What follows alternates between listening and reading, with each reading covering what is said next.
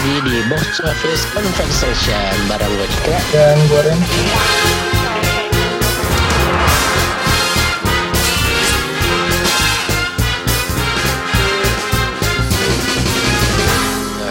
Ini episode gue mau ngomongin apa nih Ren? Mau udah bulan Agustus nih, bawa-bawa kemerdekaan Indonesia Kita asik. bahas tentang ini ya, eh, kemerdekaan. Film-film tentang kemerdekaan ya. Hmm. Lo pernah nonton film-film tentang kemerdekaan Indonesia gak? Bukan film kemerdekaan sih, jadi kayak mungkin pahlawan-pahlawan kemerdekaan kali ya. Hmm, temanya kemerdekaan ya. Iya, jadi bukan plak-plak film-film kayak 17-an nggak gitu juga. Oh. Kalau gue sendiri pribadi, gue pernah nonton film Indonesia tentang kemerdekaan, tentang perjuangan Indonesia. Hmm. Menurut gue itu semi-semi fiksi karena filmnya itu berceritakan tentang kemerdekaan Indonesia, memperjuangkan kemerdekaan Indonesia. Tapi case-case-nya itu eh, kayak nggak ada gitu. Kayak ini Ren, eh, misalkan perang Sudirman, Hmm. tapi sisi lain dari perang Sudirman dan dia nggak diekspos gitu orang-orangnya.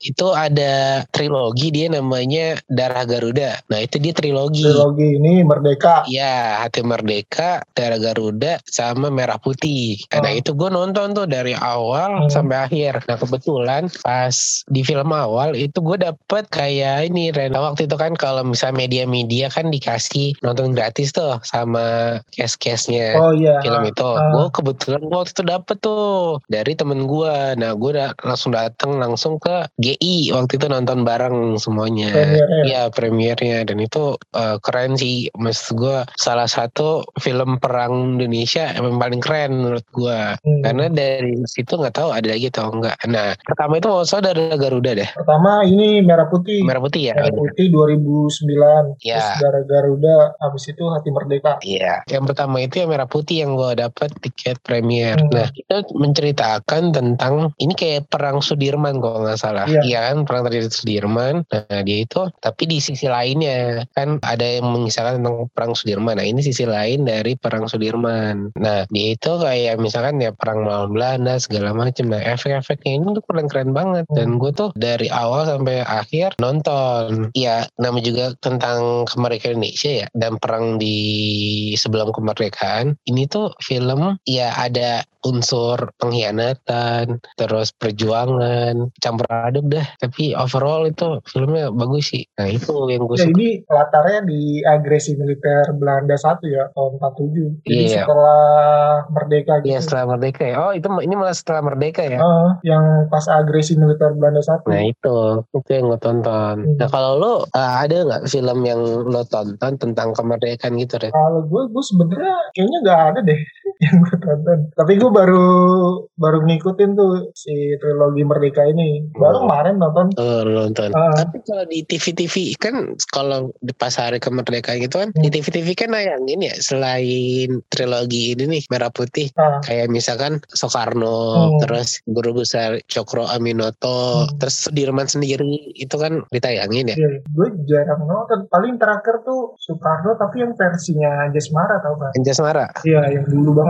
Itu juga nonton di TV. Ngomong-ngomong film itu Soekarno, Hmm. gue waktu itu pernah dapat info Hmm. salah satu anak dari Soekarno kalau nggak salah Rahmawati atau siapa ya lupa gue. Hmm. Pokoknya ada salah satu anak Soekarno itu nggak setuju Ren kalau misalkan yang meranin itu Aryo Bayu kan film Soekarno yang terbaru itu kan Aryo Bayu ya yang jadi Soekarno-nya. Iya yang 2013 ya. Ya, yang baru pokoknya paling baru yang Soekarno itu Hmm. Aryo Bayu. Nah, ada salah satu anak Soekarno tuh nggak suka karena dikiranya tuh nggak cocok meranin Soekarno. Yang cocok meranin Soekarno kan ini versi Soekarno kan banyak ya, Hmm. nggak hanya Aryo Bayu doang. Sebelum-sebelum juga ada entah itu dari drama atau film. Nah, yang anggap cocok jadi Soekarno itu Anjas Mara yang lo tonton itu lah. Iya iya. Gitu. Anjasmara sama David Calik kalau nggak salah yang jadi Muhammad Hattanya. Nah, tapi kan yang menurut gue yang yang Soekarno yang Aryo Bayu itu kan Hmm. pengen versi berbeda ya, Oh. yang nggak sama dari yang terdahulu. Jadi emang sengaja dibedain menurut gue gitu. Hmm. Nah gue justru nontonnya yang itu, yang Anjasmara. Emang bagus ya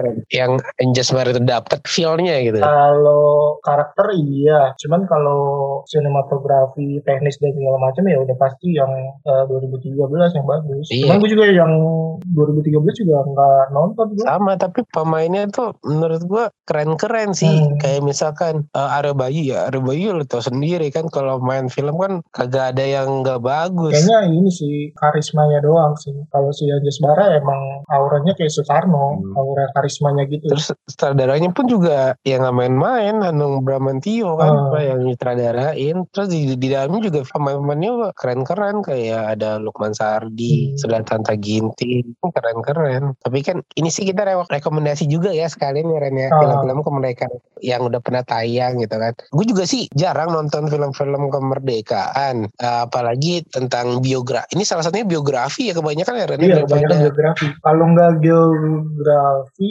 dia kayak ini based on true event. Kayak Oh, iya, si iya, iya. Merah Putih dari Garuda itu kan based on true event. Kejadiannya ada tapi tokoh-tokohnya dan ceritanya tuh fiksi. fiksi. ah, ah. Ini gua ini sebutin ya film-film apa aja yang kira-kira tentang kemerdekaan Hmm. itu kayak Soekarno tadi, Hmm. terus ada Jenderal Sudirman. Nah, Sudirman itu dimainin sama Adipati Dolken. Nah, kalau misalkan para Audi fans banget Adipati Dolken, bisa tuh nonton Jenderal Sudirman itu sisi lain dari Adipati Dolken dan berwibawa banget sih menurut gua kalau misalkan dia peranin Jenderal Sudirman. Hmm. Terus ada Guru Cokro Aminoto itu yang mainin kalau nggak salah Reza Rahadian ya, gue juga belum nonton sih. Nah selain itu, itu kan tadi yang cowok-cowok. Nah ini ada nih film pahlawan kemerdekaan yang cewek, Hmm. yaitu Kartini. Iya. Nah ini film Kartini ini juga menurut gue keren. Nah ini juga dia tayang di Netflix. Oh, Ini Netflix ya. namanya tuh keren-keren. Yang jadi kartunya sendiri aja Dian Sastro. Kalau fansnya dari Dian Sastro, para Audi fans banget nih dari Dian Sastro dari ADC harus nonton. Nah, Dian Sastro, terus ada selain itu ada Yesita, Reza Radian, sama artis seniornya itu ada Christine Hakim Oh, iya. gitu.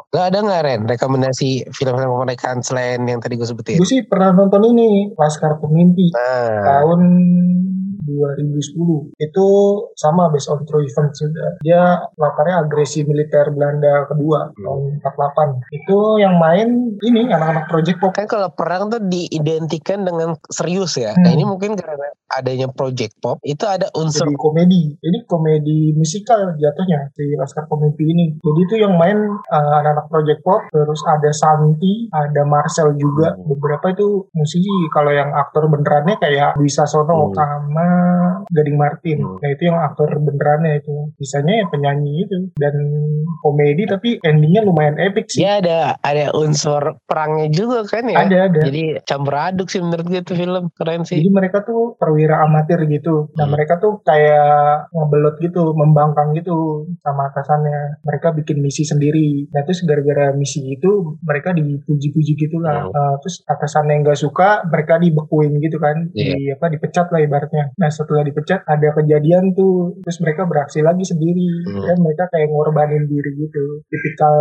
film heroik banget sih. Cuman dibungkus komedi sama musikal gitu. Jadi nggak tegang-tegang amat ya nonton Laskar Pemimpi ini ya, nggak Ah. kayak Merah Putih. Hmm, tapi ada unsur heroiknya ada, Iya. premisnya bagus sih. Ya, agak-agak absurd sih, Iya. cuman ya buat hiburan boleh lah. Terus juga ini yang saudaranya kan Monty Tiwa tuh. Ah. Monty Tiwa kan sempet juga jadi penulisnya Biarkan Bintang Menari Iya. itu film musikal juga. Terus uh, filmnya Bilang Cinta. Jadi kayak tipikal uh, dia tuh pakai aktor-aktornya tuh dari para penyanyi gitu. Kan Vina Bilang Cinta kan yang main Delon. Iya, sama Rahel Mariam ya. Ah, jadi ada unsur itu, unsur musikal, terus sama unsur musisi yang jadi aktor. Nah, eh, itu kan tadi kan film-film yang mencerminkan kayak kemerdekaan, Hmm. terus perang ya. Walaupun ada Soekarno, Jenderal Sudirman itu kan masih eh, itu itu perang ya. Hmm. Nah, ini menurut gue, ini menurut gue ya. Hmm. Ini film kemerdekaan tapi dari sisi olahraga. Apa tuh? Kayak Susi Susanti. Oh ya, Tiga Sri Kandi. Ya Sri Kandi benar. Nah itu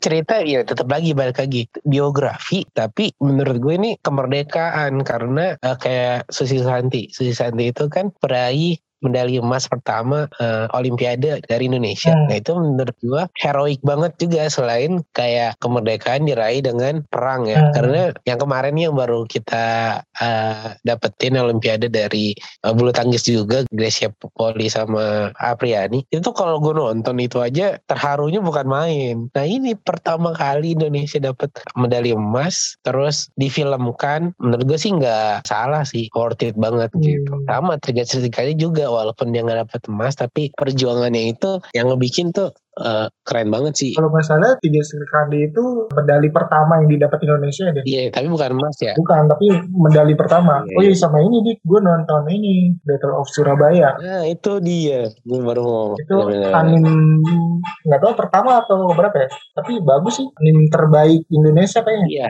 uh, tapi ini kan film anim pertama yang dibuat uh, sama orang-orang Indonesia. Hmm, gitu. Itu keren juga sih, itu sama kayak trilogi Merdeka, iya, based on true events juga. Tentang perang di Surabaya ya, 10, hmm, 10 November, November yang ikonik banget yang bendera Belandanya dirobek di hotel. Hotel Yamato. Iya. Keren sih cuman ya mungkin karena emang baru bikin film anime gitu, masih banyak yang perlu diperbaikin sih. Tapi bukan dari sisi gambar atau tampilannya. Nah itu yang pengisi suaranya juga keren sih, aktor ternama juga mau di Ayunda sama Reza Radian. Overall bagus banget, bahkan dia banyak banget menangin penghargaan di luar negeri. Iya iya benar. Nah ini ya emang eh, nama juga baru ya hmm. masih adaptasi dari kartun-kartun uh, Jepang hmm. karena karakternya tuh kayak Jepang banget iya, ya. Gambarnya bagus banget, iya. bagus gambarnya. Bikinnya udah oke sih teknis segala macam. Sama mungkin ini kan ya menurut gue ya mungkin tinggal bikin ciri khas aja itu bahwa, bahwa itu kartun Indonesia gitu. Oh iya iya. Ya mungkin karena ini juga masih ada cerita tentang Jepang oh, iya di sih. Indonesia. Jadi masih ada agak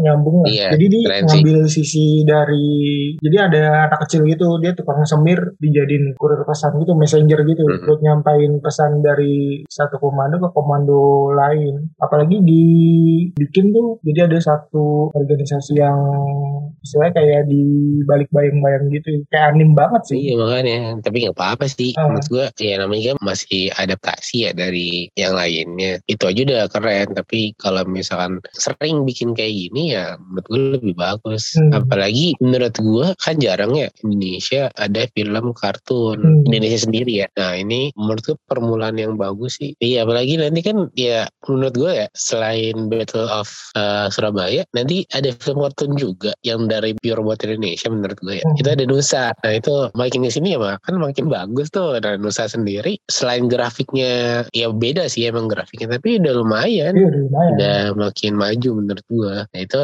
ya step by step sih menurut gue sama ini ini kayak orang kan kebanyakan ngebandingin kartun Indonesia sama Jepang sama Amerika ya. Nah itu dulu Amerika sama Jepang itu dulu pas awal mulai juga kayak gini. Iya kan ya. Uh, jadi jadi kenapa mereka sekarang bagus banget ya karena mereka udah mulai duluan puluhan tahun lalu. Kita baru mulai. Kalau di flashback lagi pas awal mereka bikin juga sama kayak gini hmm. kayak kita gitu. Nah kita kebetulan baru mulainya ya sekarang sekarang ini aja gitu sih. Jadi kayak udah ya mereka udah duluan kita baru mulai gitu. Makanya mereka lebih bagus. Iya, makanya menurutku sih ini udah kemajuan signifikan sih. Hmm, udah oke okay sih, baru mulai aja udah kualitasnya udah bagus banget. Iya, udah tinggal keren. dikit ya, tinggal dikit doang, perlu diinin lagi. Ini nggak menemukan karakteristik itu kartun Indonesia sama ceritanya lebih dibagusin. Maksudnya di ceritanya dibikin lebih berkarakter, jadi kayak uh, dia punya cerita sendiri gitu loh. Hmm.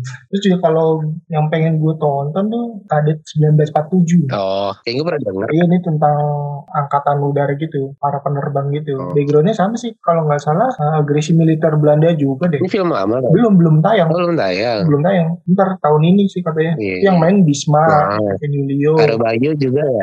Bayu nggak tahu deh. Ada anak muda gitu, oh. jadi kadet angkatan udara gitu. Yeah. Mereka kan penerbang nih, uh -huh. tapi mereka pengen angkat senjata juga. Hmm. Ini ada Bayu juga. Nah Bayu ini juga jadi Soekarno ternyata. Oh jadi ini doang ya, kayak cameo gitu ya? Iya, iya kayak cameo gitu. Nah, nah itu sih yang pengen gue tonton. Kayaknya seru. seru. Dari pemain-pemainnya juga seru sih. Wah. Kayaknya dia Ibnu Jamil jadi ini Halim Perdana Kusuma. Di bandara ya? Iya.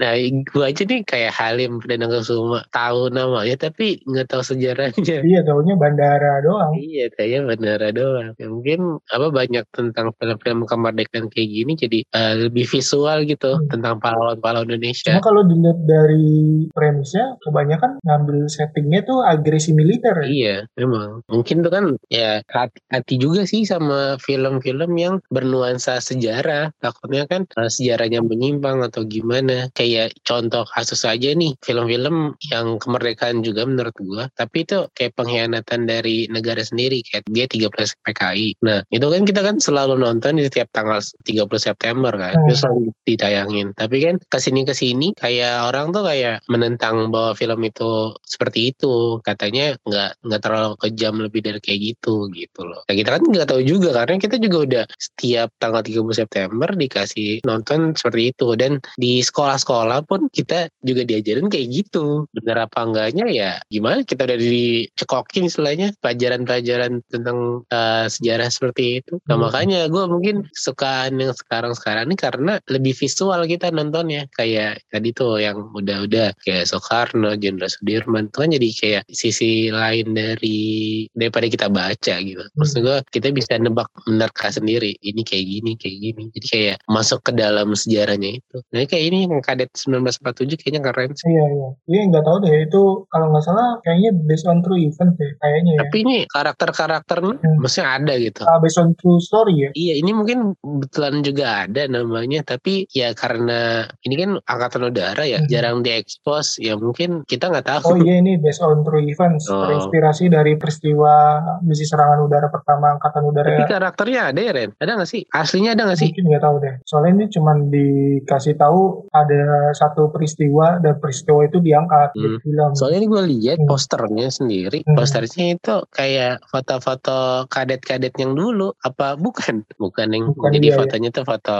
case-case yang sekarang cuman difotoin zaman dulu. Ya, bisa jadi ada sih beneran. Yes. Karena kan ini peristiwanya kejadian beneran. Ya pasti dibumbu-bumbuin drama gitu. Iya pasti sih. Mungkin kalau misalkan ini beneran harusnya sih pas terakhir-terakhir itu ada kesan pesan karakter yang masih hidup. Iya, sekarang jadi apa ya? Nah, kalau di luar negeri tuh kayak gitu tuh kalau ada film-film perang hmm. terus atau biografi tentang apalagi kemerdekaan kayak gini, itu dikasih dilihat tuh karakter yang aslinya dia seperti apa sampai sekarang atau udah meninggal hmm. terus abis kejadian itu dia kayak gimana ya, itu ya. dikasih lihat iya kalau beneran ada pemerannya harusnya di, kayak gitu sih menurut gue. Cuma kebanyakan kalau film kemerdekaan itu bumbu dramanya bisa ini ya romance gitu ya. Iya benar-benar. Kalau di luar negeri tuh jarang dramanya lebih kayak mereka pengen balik ke keluarganya gitu-gitu. Lebih ke ini ya persahabatan ya hmm. persahabatan terus kekeluargaan juga. Iya kalau di Indonesia tuh lebih ke jatuh cinta gitu-gitu iya. ngerebutin cewek. Iya. Apalagi di Merah Putih tuh hmm. ada ah. unsur eh berebutin cewek tadi lo bilang oh. terus ada jatuh cinta. Iya. lebih ya Indonesia banget drama cintanya. Oh. cinta segitiga. Kalau di luar kan lebih kayak gue pengen pulang nih pengen ketemu keluarga. Gue pengen nyelamatin dia dia sahabat gue gitu-gitu kan. Iya, lebih ke situ kalau oh, oh, kalau luar. Nah itu mungkin uh, recap film-film kemerdekaan yang udah tayang. Terus yang tadi yang mau tayang ya yang kadet hmm. 1947 itu patut ditunggu tuh. Nah itu sih list-list film-film kemerdekaan yang kita udah nonton ataupun kita rekomendasiin. Oh sama juga ini di kalau yang latar kemerdekaan ya uh. ada ini Naga Bonar. Nah, iya Komedi tuh. Sebenarnya itu tahun film tahun 87 ya. Cuman iya. di rilis ulang tahun 2008 hmm. remaster gitu. Uh. Dibagusin lah gambarnya sama suaranya. Itu pernah dirilis ulang tahun 2008. Dibikinnya tahun 87. Terus sama juga tuh latarnya kemerdekaan gitu. Jadi ceritanya di Jakarta udah merdeka, tapi di daerah, daerah iya daerah-daerah itu masih belum gitu. Masih nyusul iya, lah. Salah satu Sumatera nah. itu masih bertahap tahap mungkin kemerdekaannya. Uh. Nah, Naga Bonar sendiri itu unik sih menurut gua. Hmm. Dia kan berlatar belakang tuh tentang kemerdekaan ya. Setelah kemerdekaan tapi ada beberapa wilayah yang belum terjangkau untuk merdeka. Tapi ada keduanya pas zaman sekarang. Ya kan ya? Bonar jadi dua.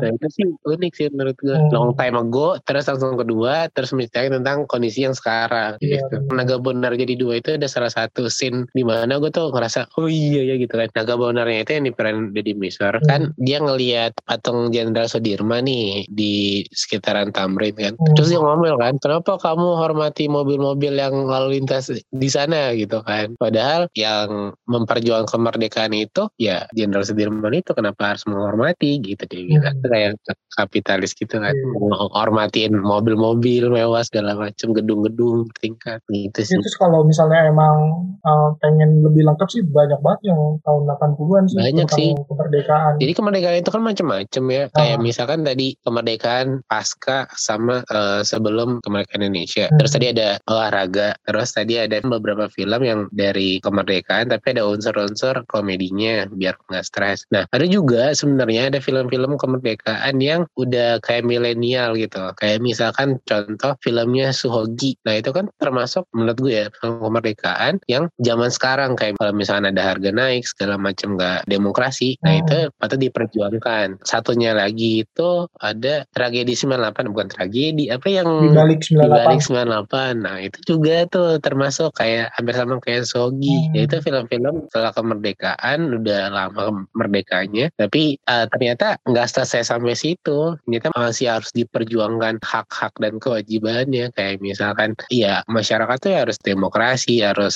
adil, harus hak-haknya dia sama kewajibannya dia itu harus terpenuhi hmm. gitu. Menurut sih itu sih. Jadi kalau misalkan para Audi nonton tentang film-film kemerdekaan terus uh, jiwa patriotismenya menaik tinggi jadi patut ditunggu film-film selanjutnya atau emang yang belum pernah nonton film-film tentang kemerdekaan. Semoga tadi rekomendasi gue sama Ren sih patut diperhitungkan tuh film-filmnya keren-keren. Memang beberapa banyak yang ini ya susah dicari ya film-filmnya nah, jadi gue bilang Ren karena takut sejarahnya itu berubah. Hmm. ini kan film-film ini kan uh, film-film sejarah dan hmm. kalau misalkan menyimpang tentang sejarahnya ya pasti dicekal nggak usah jauh-jauh yang dibalik 98 itu kan sutradara itu bener-bener hati-hati banget karena kan istilahnya kan orangnya itu kan masih ada maksudnya uh, kayak di dalam case-case-nya itu masih ada yang masih hidup gitu kan hmm. terus belum lagi dari anak cucunya kalau hmm. misalkan dia kayak menyerang satu pihak nah itu jadi kayaknya eh, nggak uh, suka terus dicekal Iya Padahal kan kita kan pengen melihat sejarah sebenarnya sebenarnya. Hmm, agak susah sih. Iya makanya masih susah. Kenapa sih itu ada 98 gitu kan? Gak usah jauh-jauh kayak Soekarno. Kan pasti ada sisi lain dari Soekarno. Iya, iya. Nah itu menurut gua ya harus berhati-hati sih kalau misalkan bikin film-film tentang kemerdekaan atau sejarah. Hmm. Salah sedikit ya pasti cekal. Nggak boleh tayang yang lo bilang tadi. Yang gue bilang tadi jadi kan yang 30 SPKI. Ya. Itu kan baru-baru ini sih menurut gue banyak yang pro sama kontra. Padahal ya itu kan hanya film. Kalau misalkan menurut gue ya hmm. kalau misalkan ada yang benernya ya udah bikin lagi. Bikin lagi. Terus daripada sejarahnya eh kita kan dari SD sampai SMA kan belajar kayak gitu ya. Hmm. kalau emang ada yang kesalahan ya udah dibuat film aja. Biar kita tuh nggak usah belajar lagi. Tinggal nonton. Kalau nggak salah kan yang film dokumenter jagal itu kan tentang 65 itu. Oh, itu, itu ya? juga dicekal kan? oh, kan ya itu. Jadi kayak emang susah bikin film-film kayak gitu. Iya, apalagi kalau misalkan bener-bener kejadian bener gitu Ren. Terus hmm. mungkin ada sisi kurang berkenan, terus menyerang sesuatu pihak ya gitu pasti sekolah. Hmm. Padahal kan kita pengen tahu yang sebenarnya doang sih. Hmm. Tapi sih nggak hanya di Indonesia sih kan menurut gua di luar negeri pun kayak gitu. Hmm. Kayak misalkan juga ya. Iya, film-film perang di luar negeri tuh. Nah, dia itu kan nggak menceritakan pure tentang perang itu. Kayak misalkan kalau di luar negeri tuh pasti pihak Amerika yang ngerasa ditindas dan akhirnya dia menang gitu. Hmm. Padahal kan ya mungkin ya emang dari awal Amerikanya emang nggak ada yang tertindas emang udah kayak gitu aja. Itu kayak film Lone Survivor. Oh, Lone Survivor. Main Mark Wahlberg. Oh. Itu tuh kayak yang dia ngelosin warga Irak apa apa ya? Lupa gue. Pokoknya dia ngelosin warga warga sipil Iraknya itu ngelosin. Akhirnya kelompok mereka itu diburu kan sama Taliban. Hmm. Mungkin menurut gue itu nggak dilolosin dilolosin karena dia bakalan tahu kalau dilolosin itu kena ke dia sendiri. Ya, pasti banyak yang dibelokin sih ceritanya. Aneh. Tergantung yang bikinnya orang mana nih. iya benar. Pasti ya pencitraan lah. Iya. Ada lah di gitu. Masa jauh-jauh per harbor aja hmm. kita aja termasuk ada ini loh dia pro kontra. Oh. Makanya dia yang per harbor itu diangkatnya lebih ke percintaannya daripada perang. Iya, kebanyakan itu based on true event. Iya. Kejadiannya nyata tapi tokonya ada yang fiksi pasti. Iya, karena itu. Nah kalau gue lebih penasaran ke kayak kayak Imam Bonjol terus terus Atimura terus Diponegoro oh. yang gitu-gitu itu kan termasuk sejarah terus jarang diangkat juga ya iya. karena kan sebelum jauh banget sebelum kemerdekaan kan belum adanya Soekarno juga ya iya gerilya gitu iya. masih bener-bener perang paling yang diangkat cuma Cunyadin ada kan yang lain banyak gitu iya. kayak itu salah satunya Diponegoro Imam Bonjol Patimura Hasanuddin iya. kenapa ya itu ya, belum diituin ya padahal itu kan menurut gue kan udah jauh banget ya hmm. dan mungkin ya emang sih mungkin dapat sejarah terus storynya tuh dikit tapi hmm. kan seenggaknya mungkin gak ada yang ngerasa tersinggung kali satu iya karena angkatannya udah gak ada paling iya mungkin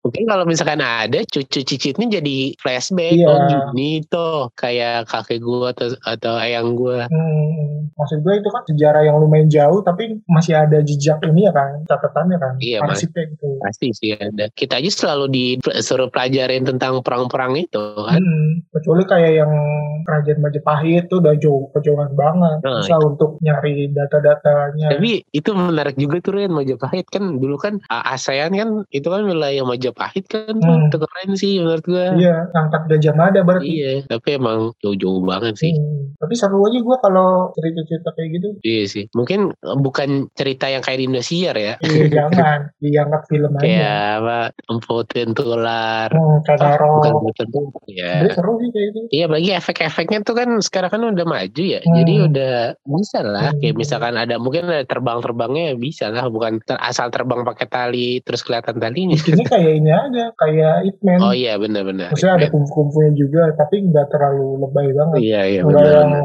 orang jadi naga gitu-gitu. Makanya sih menurut gue sih ini salah satu edukasi hmm. selain baca ya yeah. edukasi aja sih. Kayak ini melestari budaya gitu. Yeah, contohnya kita pasti suka sama samurai sama ninja. Hmm. itu kan budaya Jepang kan bener. nah itu kenapa kita suka itu ya karena di filmin yeah. dan di filmnya bagus-bagus dan karakternya itu bagus hmm. gitu nah maksudnya kayak kerajaan-kerajaan Majapahit itu kalau misalnya di filmin bisa jadi ada yang suka juga apalagi nih Ren karakternya itu kayak misalkan artis-artisnya itu hmm. fans-fans anak muda sekarang kayak misalkan ada Reza Radian Vino Bastian hmm. itu kan digandrungi anak-anak sekarang terus dia jadi pemeran utamanya ya pasti ditonton hmm. kayak misalkan tadi tuh Jenderal Sudirman. Kan itu kan yang uh, mainin Adipati Dolken kan banyak tuh fans-fans remajanya kan. Hmm. nah mungkin tadinya dia pengen nonton Adipati Dolken doang. Gara-gara Adipati Dolken dia merangin Jenderal Sudirman jadi tahu tentang sejarah Jenderal Sudirman. Hmm, itu sih paling hmm. film-film tentang kemerdekaan. Itu kan tadi kan udah diceritain tuh kita tentang pasca sesudah terus era-eranya demokrasi. Itu ada sebenarnya filmnya. Cuman mungkin ada beberapa tadi kata Ren ada beberapa film yang emang nggak ditayangkan mungkin dicekal gara-gara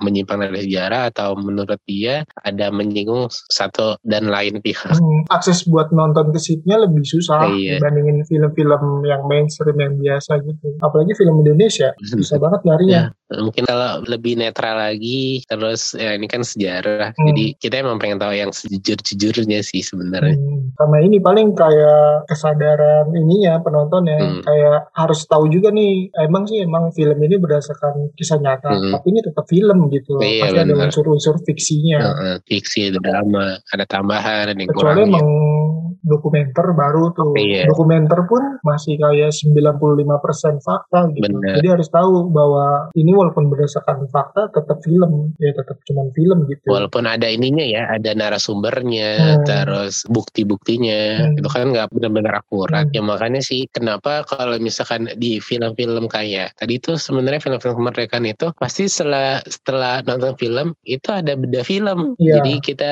biasanya itu kalau misalkan dulu ya dulu gue pas kuliah kan itu gue ada ikut kayak UKM gitu wadah mahasiswa gitu hmm. ikut kayak media gitu media media namanya namanya media publika. Nah itu ada pemutaran film kayak misalkan uh, Suhogi. Nah itu setelah film berakhir kita bahas tuh filmnya tentang apa, terus gimana filmnya gitu. Jadi ya beneran nggak akurat banget sih, cuman kita mencari keakuratannya gitu, mendekati keakuratannya. Hmm, benar. Juga jarang kalau nonton film-film gitu lebih sering film perang luar kali kan iya sih tapi kan ya gitu kalau film yang juara dari film kemerdekaan di luar negeri yang perang itu ya efeknya yeah. karena dia perang-perangnya tuh keren hmm. tapi gimana pun juga Indonesia pengen mencoba seperti itu ya ya namanya juga proses ya hmm. jadi ditunggu aja selain drama mungkin ada efek-efek kayak perang-perangnya gitu. Kayak mungkin kadet 1947 itu ada unsur-unsur kayak per harbornya yang dikejar-kejar sama pesawat tembakan. Ya oh. semoga aja. Ya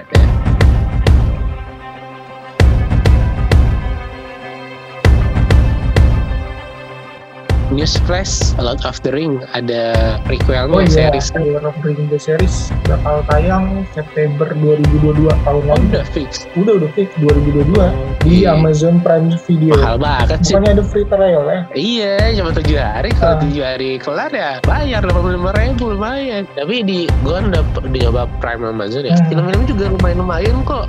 Film originalnya oh, sama iya. series paling gua ngikutin gitu doang. Boys ya? Doang. Ini udah dapat. Kayaknya mau musik musim ya Ren ya. Film-film yang udah sukses di layar lebar itu di prequelin tapi di series. Yeah. ini kok nggak ada Hunger Games. Hmm. Hunger Games itu mau di prequelin juga tapi gue nggak tahu nih film apa series? Ini sih film film ya? Oh ya film. Ini nanti ada dia prequel dari Hunger Games. Hmm. itu nanti akan tayang juga tapi nggak tahu kapan. Baru diproduksi doang. Mesti berharap Harry Potter juga ada nih seriesnya. Kalau Harry Potter kayaknya nunggu Fantastic Beasts tamat dulu. Okay. karena itu kan termasuk prequel kan? Iya itu dia ada berapa film lagi Ren kira-kira? Katanya sih mau dibikin tujuh deh. Buset, banyak ya? Baru dua. Iya. Masih panjang tuh. Masih panjang ya. Hmm. Ini berarti dia mau mendekati Dumbledore dan jadi headmaster. Sekarang itu Dumbledore-nya udah jadi headmaster belum sih? Belum ya? Belum kan ya? Belum, belum deh. Berarti mungkin pas udah jadi headmaster ya? Kan hmm. kalau udah jadi headmaster kan berarti dia kayak kepala sekolahin si ini kan, si ibu bapaknya Harry Potter kan? Iya, iya. Jadi kayaknya endingnya bakal yang adiknya itu yang bakal mati. Adiknya Dumbledore si Ariana kok oh iya benar-benar. Yang cewek ya? Hmm. iya, iya. nah di situ yang ini Deadly Hallows baru kekumpul. Oh iya benar. Ya makin seru sih uh, Fantastic Beasts. Cuman itu lama sih. Iya aja dari dua ke tiga aja nih nunggunya lama banget. Benar. tapi kalau si The Lord of the Rings kan karena udah tamat semua kan? Iya udah tamat udah prequelnya udah, udah tamat, tamat iya. Hobbitnya udah tamat makanya dia bisa bikin series. Kalau Harry Potter harus namatin Fantastic Beasts. Iya, iya.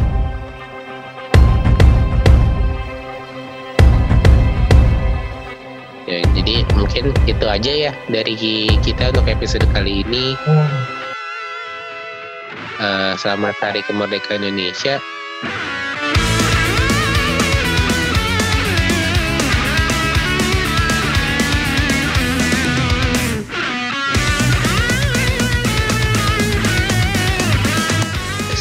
semoga COVID di Indonesia juga uh, terbebas, udah pergi dari Indonesia, hmm. terus uh, lebih sehat lagi, terus tetap jaga protokol kesehatannya biar kita bisa hidup normal lagi. Ini kebebasan untuk hidup normal. Itu yang udah dengerin, jangan lupa kalau yang pengen vaksin ya vaksin aja. Ya benar, banyak kok pilihannya. Terus sekarang juga gratis, bisa kok di mana-mana, hmm. tinggal daftar aja. Jadi jangan takut vaksin karena untuk uh, kehidupan lebih normal lagi. Terus juga prokesnya jangan kendor. Benar. Itu aja. Jadi gua Dika pamit. Gua Ren juga pamit. Merdeka. Ya, merdeka